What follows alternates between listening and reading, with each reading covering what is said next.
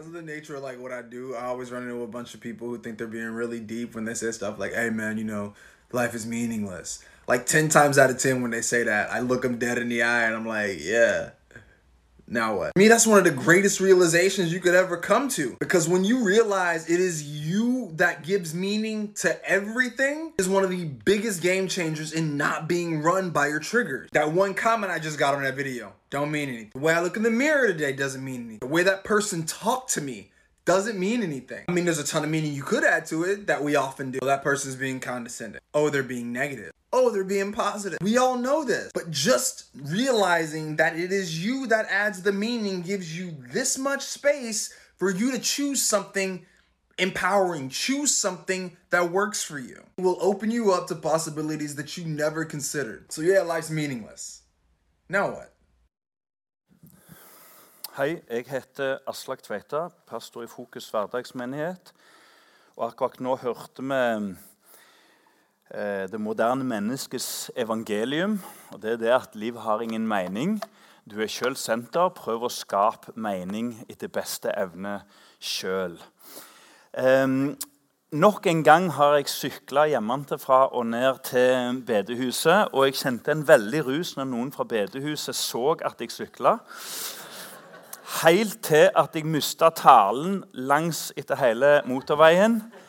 Og et øyeblikk så tenker jeg jeg kjører diesel så lenge det er diesel.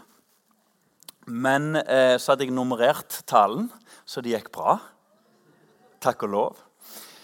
Um, vi har et utrolig spennende og viktig tema i dag. Og eh, jeg tenker på en ting, og det er at eh, når vi skal ha et sånt et tema, så trenger vi forbønn. Alle mann. Og ikke minst jeg som er i stand til å rote dette her til. Så vær med og be. Dette med fortapelse. Men eh, aller først eh, En av verdiene våre er jo eh, å lese Bibelen, er det ikke det? Vi kan ikke ha det sånn at vi liksom tenker at eh, Bibelen har bare en sånn perifer plass blant kristne. Det er kun i Vesten vi kan si noe sånt. Og for du som syns det er vanskelig, velkommen i klubben. Nå har vi holdt på i dagevis med detaljerte grenseoppganger og bekker og høyre og venstre side av dalfører og inndelinger i Israelsriket. Josva er blytungt. Er det noen som er enig? Vi ser det mye spennende inni der. Og så tenkte jeg en dag, for jeg syns at jeg, liksom, jeg var mest frista til å hoppe over. Det vet jeg flere har gjort nåde med dere. Men det går altså an å hoppe på akkurat nå hvis du f.eks. følger denne podden, eh, Bibelen, på ett år. Eh, kvarter cirka hver dag. Men så fant jeg en strikkeoppskrift mens jeg sto og hørte på podkasten. Så tenker jeg det var vanskelig, det. Grenseoppganger i Israel ingenting. F.eks. hals. Når du strikker en hals, plukk opp ca. 74 masker. Jeg skjønner hvorfor folk rekker opp om igjen inkludert maskene som er satt av til hals. Og så står det parentes antall må være delelig med to. Hvorfor det? Hvorfor ikke bare dele det på to med en gang? På pinne nummer fem. Strikk en rett, en vrang. 10 cm eller ønsket lengde. Følger i, følger av. Si hvor lang halsen skal være. Fell veldig løst av med rett og vrange masker, eller google elastisk, elastisk avfelling. Høres ut som tre. Hva i all verdens rike er dette? Jeg skjønner ingenting. Og Sånn er det òg med Bibelen. Og så har jeg skjønt at strikking er noe som gir mer glede jo mer du gjør det. For jeg lovte jeg skulle snakke opp strikking. Stemmer det? Strikking gir mer glede jo mer du strikker. Litt ulikt alt annet i livet. Det er tøft å følge Bibelen på ett år, men jeg tror du kommer til å oppdage etter hvert at ting henger sammen. Og Gud åpenbare ting der en tenkte at det var bare tungt og trist. Herre Jesus, takk for dagen i dag. Takk for at du har gjort denne dagen til en dag som er en gave til oss, Herre. Jeg ber Herre om at det kan få bli en gudstjeneste hvor du besøker oss, åpenbarer ditt ord, viser oss hemmeligheter og gir av din kjærlighet. Jesu Kristi navn. Amen. Kan vi få opp Lukas kapittel 16.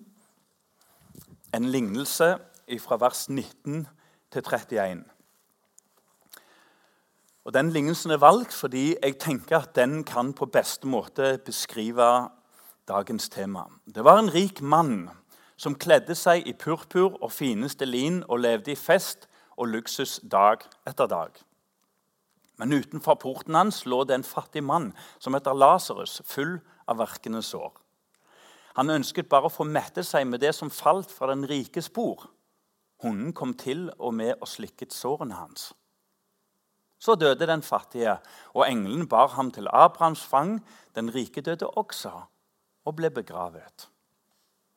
Da han slo øynene opp i dødsriket, der han var i pine, så han Abraham langt borte og Lasarus tett inntil ham. Far Abraham, ropte han, ha barmhjertighet med meg, og send Lasarus hit, så han kan duppe fingertuppen min i vann og svalle tungen min, for jeg pines i denne flammen. Men Abraham svarte, husk, mitt barn, at du fikk alt det gode mens du levde, og Lasarus fikk det vonde. Nå trøstes han her, mens du er i pine. Dessuten er det lagt en dyp kløft mellom oss og dere, slik at de som vil, kan komme herfra over til dere, ikke skal kunne det. Og ingen kan gå over fra dere til oss. Da sa den rike, så ber jeg deg, far, at du sender ham til mine fem brødre hjemme hos min far for å advare dem, så ikke de også skal komme til dette pinestedet. Men Abraham sa, de har Moses og profetene. De får høre på dem. Han svarte, 'Nei, far Abraham, men kommer det noen til dem fra de døde, vil de omvende seg.' Abraham sa, 'Hører de ikke på Moses og profetene?'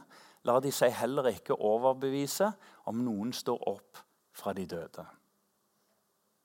Litt av en tekst og en lignelse. Hvis jeg skulle sagt noe om hva som er vanskeligst og mest provoserende å snakke om i Norge 23, anno 23, så måtte det være fortapelse. Og særlig hvis en roter seg bort eller blir dratt inn i alt dette som dette med Sier du at mine barn går fortapt? Det er en god måte å avslutte en samtale på hvis du lurer på det. Og det kan gjøre veldig vondt, og det kan komme galt av sted. Og Særlig hvis vi vet at uh, i Frikirke-Norge Det ble gjort en undersøkelse om folks syn på fortapelse. I Frikirke-Norge, eller lavkirkeligheten om du vil kalle det det, så er det faktisk av deres medlemmer ca. 56% som tror at livet har to utganger etter døden. I Den norske kirke så oppgjør ca. 23% at de tror at livet har et liv i det hele tatt etter døden, og særlig to utganger. Jeg tenker at vi gjør rett og lurt i å si at det har vært forkynt mye uklokt. Det er mye som er mye mer kjød enn nød. I hvert fall er det blanda kraftig. At en ønskte så gjerne se noen komme til tro, og så ble en frista til å gå snarveier. En av de tingene som jeg syns er vanskelig, og som jeg ikke finner et godt svar på og Jeg tror ikke på universalisme. Hvis noen lurer på det, så får du undersøke det sjøl. Men en av de tingene som er vanskelig, det er dette her med hva med de unådde? De som aldri har hørt. Hvor er rettferdighet i det? Jeg kjenner til Romerne 10, om hvor herlig er lyden av føtter som bringer godt budskap. Men det er like urettferdig for min tanke. Så jeg syns det er vanskelig. I dag tror jeg ikke vi sier så mye uklokt om fortapelse. Jeg tror vi har det mer urørt. Har du lagt merke til at mange av temaene vi har hatt i vinter Sølve har vært inne på det mange ganger. Dette er ikke berørt. Helbredelse. Dette er ikke forkynt om. Og det er kort ifra uklok til urørt. berørelsesangst. Eh, jeg tenker av og til, meg sjøl inkludert, når jeg er i samtale med mennesker, så tenker jeg Er vi liberale, eller er vi egentlig uopplyste? Det har jeg mange ganger tenkt. Snakker vi nå om en annen tolkning, et annet syn på det? Eller snakker vi egentlig om en situasjon der en simpelthen ikke har innsikt og opplysninger om det som kommer? Livet etter døden. Um, Timothy Keller hvis noen lurer på hvem det er, så er det altså et stort forbilde for meg på mange vis. Han eh, for, eh, opererer i Manhattan, i en menighet der, Presbyterian Church. Der kommer det tusenvis av eh, newyorkere og hører på et budskap som en skulle tro aldri skulle få plass i The Big Apple. Men det gjør det altså. Og når han får spørsmål sier han, om dette med om han tror på fortapelse og livets to utganger, så han, sier han det at husk på at, eh, at Jesus taler ofte i lignelser om fortapelsen. Eh, det er altså billedlig talt. Så er det akkurat så lettelsens sukk kan leses i ansiktene. Ja, det er jo billedlig talt. Og så fortsetter Keller. Billedlig talt for noe langt mer alvorlig enn vi kan forestille oss. What? Like fullt som Nytestamentet tegner et bilde av himmelen som langt rikere og mer perfekt og fullkomment enn noe menneske kan tenke seg, så tegner òg Jesus det bildet av fortapelsen. Og det er òg selve poenget. De to tilværelsene er diametralt motsatte. De hører ikke sammen. De passer ikke sammen. Det er som minus og pluss. Det smeller. Det går ikke i sammen. Og det er det som er Bibelens budskap om det. Og jeg tenker nok at kanskje vi skal bli litt mer forsiktige i ei tid med berøringsangst og gi enkle forklaringer på fortapelsen. En av dem kan være f.eks. å si det er et sted Gud ikke er. Det er fristende. Det er et poeng i det. Men han sa alt i alle. Det er ikke så enkelt. Så la oss heller klamre oss til det Jesus sier sjøl. Og for den som syns at fokus burde ikke hatt så tunge tema Det kan jeg veldig godt skjønne. Jeg er frista til mer positivitet sjøl òg av og til. Men GT snakker langt mindre om fortapelse enn Nytestamentet. Og den som topper det av alle profeter som har levd på jord, er Jesus sjøl. Hvorfor det? Jeg håper etter hvert så får du litt tak på hvorfor talte Jesus så mye om fortapelsen. Han som var AS positiv. Helvete, fortapelsen, gehenna, der er forskjellige ord. Og Det er ikke så godt å få tak på, men eh, mange teologer sier, og jeg deler det, at det er egentlig en ild som starter her på denne jord. Det er en ild som starter med syndefallet. Og så fullføres det i omvendt fullkommenhet i fortapelsen. Tenk deg, tenk deg Matteus 15 og vers 19, hvis vi får opp det. Matteus 15, 19.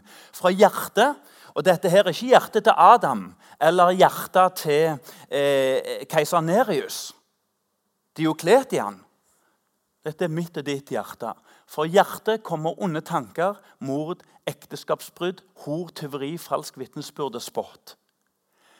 Så et vesentlig poeng i Bibelen å forklare det er det at eh, syndefallet har starta en nedbrytende, nedbrennende ild i våre hjerter så bryter alt som Gud ville.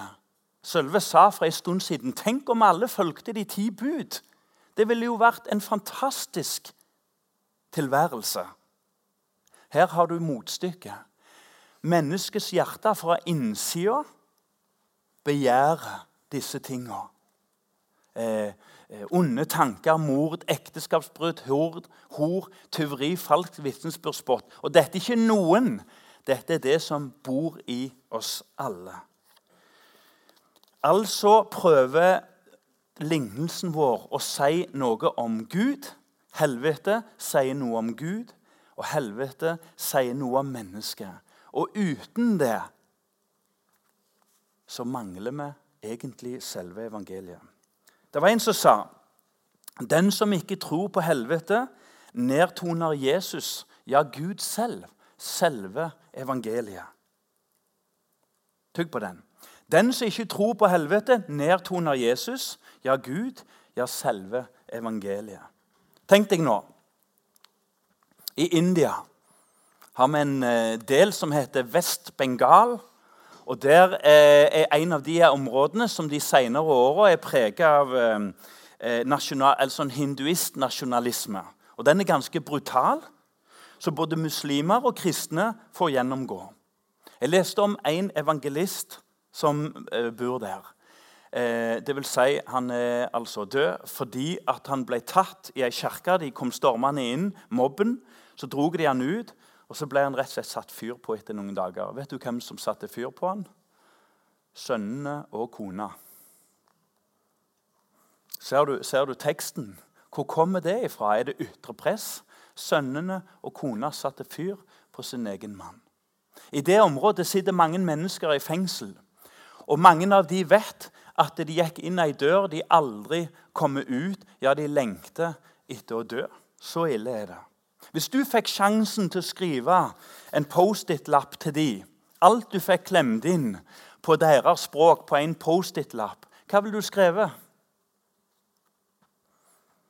Husk vold avler vold. Gud er god, ja, han er bare god. Hva ville du skrevet til han? Jeg tror vi lar den ligge bitte litt, og så skal vi komme tilbake til han. Det har noe med rettferdighet å gjøre. Og det har noe med Vestens villfarelse, jag etter godhet og en evig ungdom. Dette handler noe om identitet. Teksten vår handler om identitet. og Det er jo et moderne ord, men det er et godt ord, og det er et viktig ord for oss nå. Hva du bygger ting på. Det er så uvanlig med denne lignelsen, det er at det er den eneste lignelsen så langt jeg vet i hvert fall, som har et navn. Lasarus. Det som da er litt rart, er at Jesus ikke gir navn til den rike. Han er rett og slett navnløs. Og han hadde jo et navn, for det er ingen som ikke har et navn. Det går ikke på jord. Men når han dør, så står han opp uten navn. Hvorfor gjør han det? Det er veldig viktig å få tak på. Men i vers 22 så ser vi en annen opplysning som vi kan ta med her i Vesten. I hvert fall. Og Det er det at eh, det står rett og slett ja, at Lasarus blir tatt bort. Og så står det at den rike mannen dør. Det er egentlig en ganske bra opplysning inn i mitt og ditt liv. Rett og slett at den rike dør. Har du glemt det? For vårt liv er egentlig et jag nedover. Et jag mot evig ungdom, suksess og lykke, behagelighet, bedre kjent som konformitet. Og da er faktisk det noe vi vet, og samtidig en stor opplysning at du og jeg skal en dag dø. Jeg hadde en venn som nettopp fortalte at pappaen død, faren død. Og så forteller han om prosessen inn mot døden. Noe som vi nesten ikke snakker om, for vi har gjort dette til institusjon. Det skjer ikke i hjemmene våre lenger. Men det var veldig flott å høre. Litt spesielt. Og så sier han når han gikk inn mot døden, og, og pulsen stoppet opp, så reiste han, sier han. Så lå skallet igjen. Har du sett dette? Så lå skallet igjen. Og så sier vi, for å ikke komme på avveier og åndeliggjøre ting, så sier vi jeg tror på legemets oppstandelse. Bibelen har rett. Det er en sjel. og det er et skall, og det er en ånd. Så altså, vi mennesker dør, og så kan vi spørre oss Ja,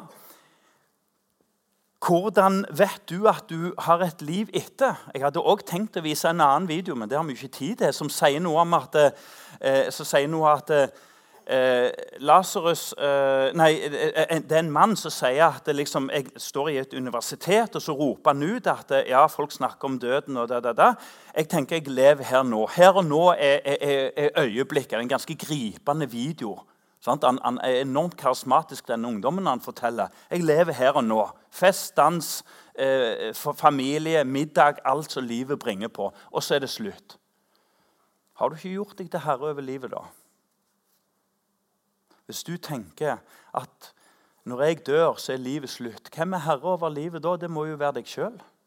Har du ikke gjort deg til Gud, som vet at du ble født en gang, og når livet er over, så har du altså den hele og fulle oversikt på at da er det slutt. Det er ikke engang undring. Da tenker jeg at da er du blitt din egen gud.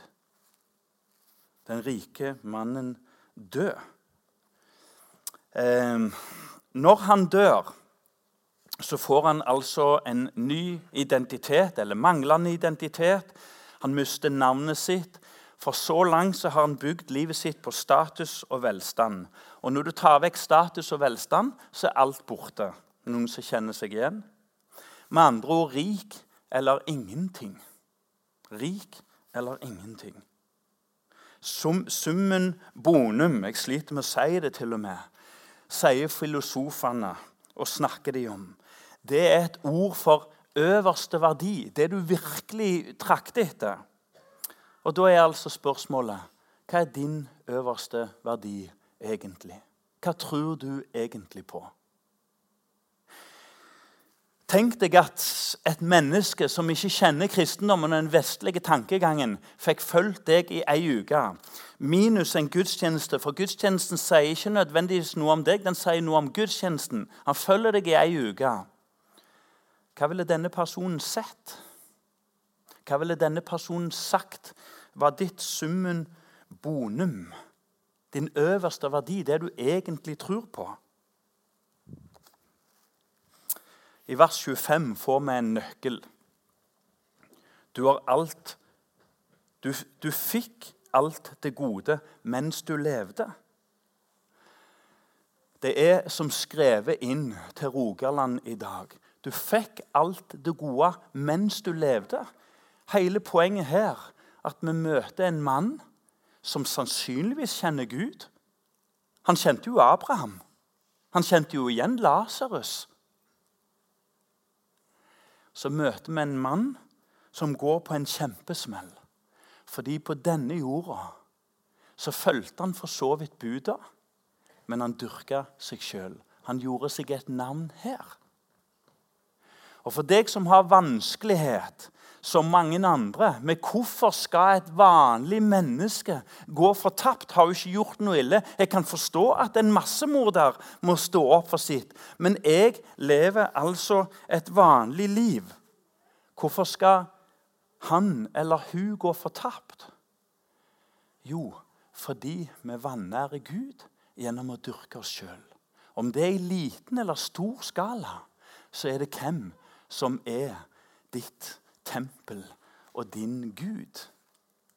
Og da er det uinteressant om størrelsen av synd var sånn eller sånn. Og dette er Guds rettferdighet, fjernt fra min og din tenkning. Hva er egentlig synd?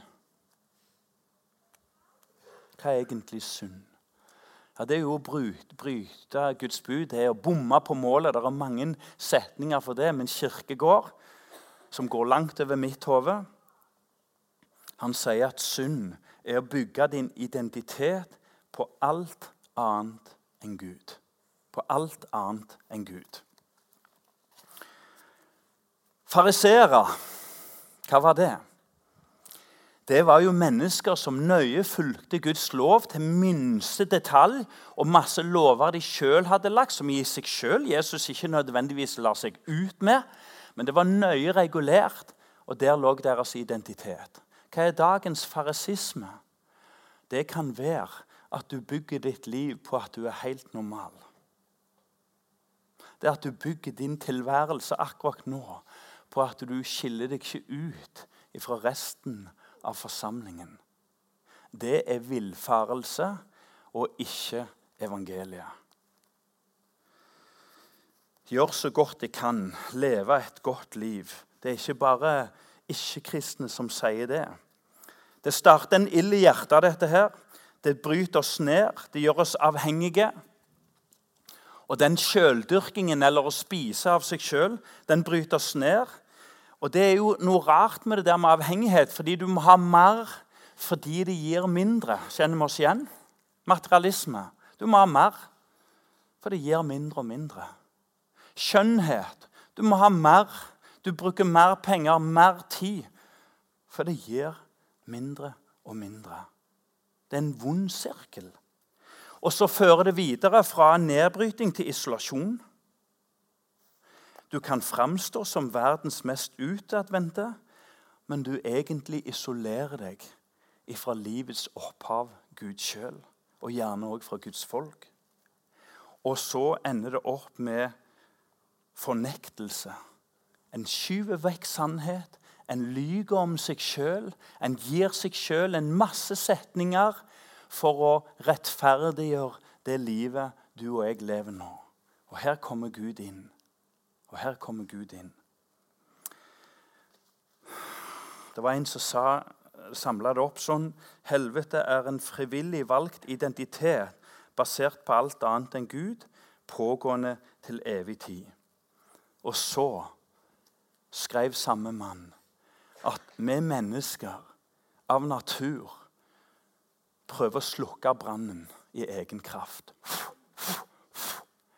Vi står opp hver dag og i oss sjøl er det nedlagt noe som hele veien vil ta kontroll. Hele veien vil søke det rette og det gode.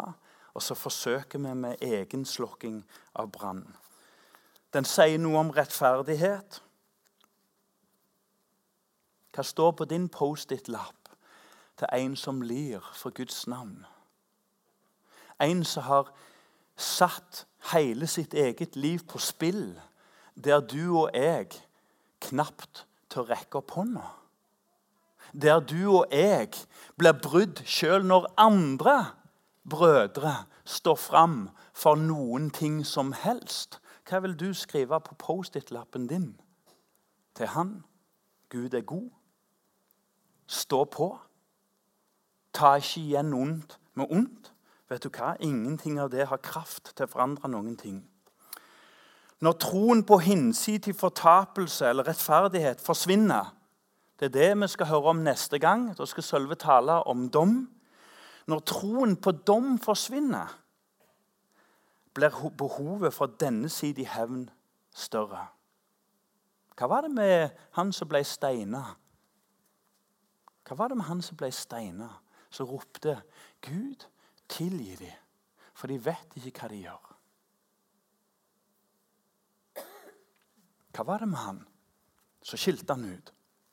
Tenk deg familien hans som ble fratatt Nav, støtte, forsikring og alt som fantes, selve livsgrunnlaget. Hva var det med dem som skulle gjøre at de så i nåde til de som steinte dem? I Kosovo fortelles det en masse vonde eller Balkan, hele krigen 91-92 utover. Så sier en forfatter det at eh, det var egentlig en krig som var basert på at dere gjorde dette. Da gjør vi dette tilbake. Hva skal du si til, til de som sitter i fengsel i India? Vold avler vold. Det er ikke noe kraft i det. Du er ikke utsatt for noe vondt da, som står i forhold til det enkelte har opplevd. Vet du hva? Helvete er faktisk godt nytt for de som lir og aldri får rettferdighet oppgjort. Midt iblant oss sitter det mennesker som vet, og som lir, og vet dette vil det aldri bli gjenoppreising for her i dette liv.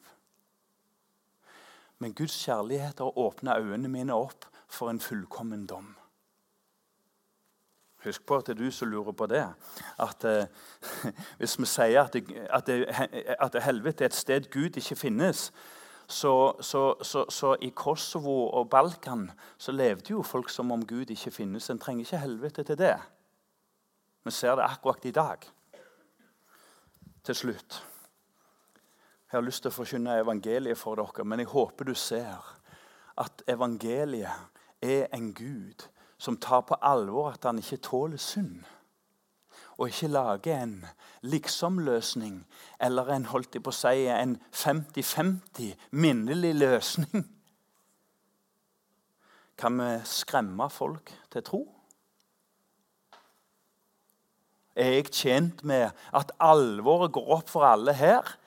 Og så blir vi såpass alvorstynga at vi tar Guds ord på alvor. Ja, det er et poeng der, men det har ikke kraften. Det har ikke kraften til å forandre. Husk på det var jo det den rike mannen håpte på. Han håpte på at Lasarus skulle gå tilbake. Det er jo helt utrolig. Han håpte på at han skulle stå opp. Og Det viser hvor ille det sto til med han, med den rike mannen. For han sier jo Kan du ikke be den, kan du ikke be Lasarus komme tilbake igjen for å duppe hendene? Så med andre ord I fortapelsen så ble han verken omvendt eller kvitt identiteten sin. At Lasarus var en nyttig idiot for at han skulle duppe Altså, Det er jo frekt. Kan du be han Ikke at jeg kommer til han, men at han skal komme inn her. Og så skal han lufte hendene mine og holde dem ned i et fat.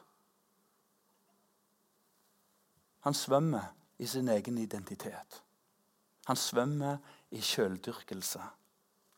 Og da er spørsmålet skal vi følge den rike mannens råd.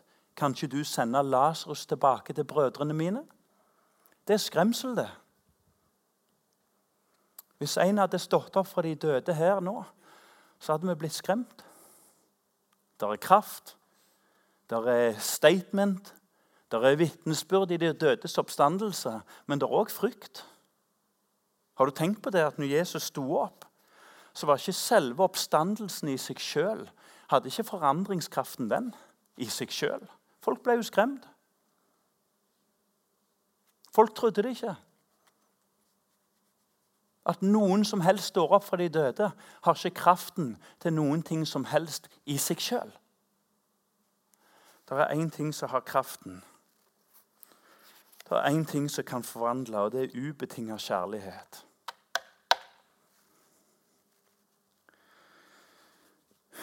Jesu lidelse var det salmisten så i Jesaja 53 om en lidende mann.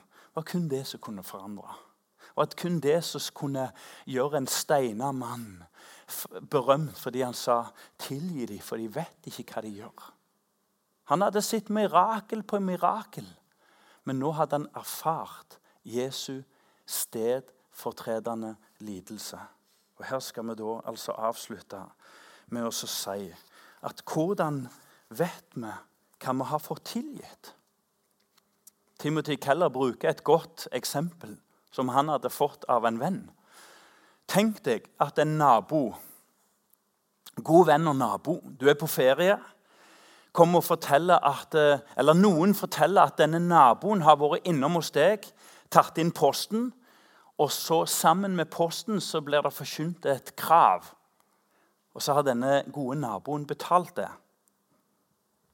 Hva er avgjørende da? I ditt reaksjonsmønster eller følelsesregister eller hva du vil. Det er jo avgjørende hva han har betalt. Er det ikke det?